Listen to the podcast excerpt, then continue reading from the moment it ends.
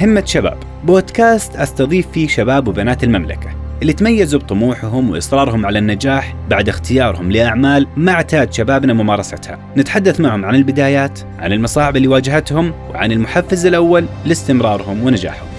هذا بودكاست همة شباب من روتانا إف إم أقدمه لكم أنا محمد الشريف.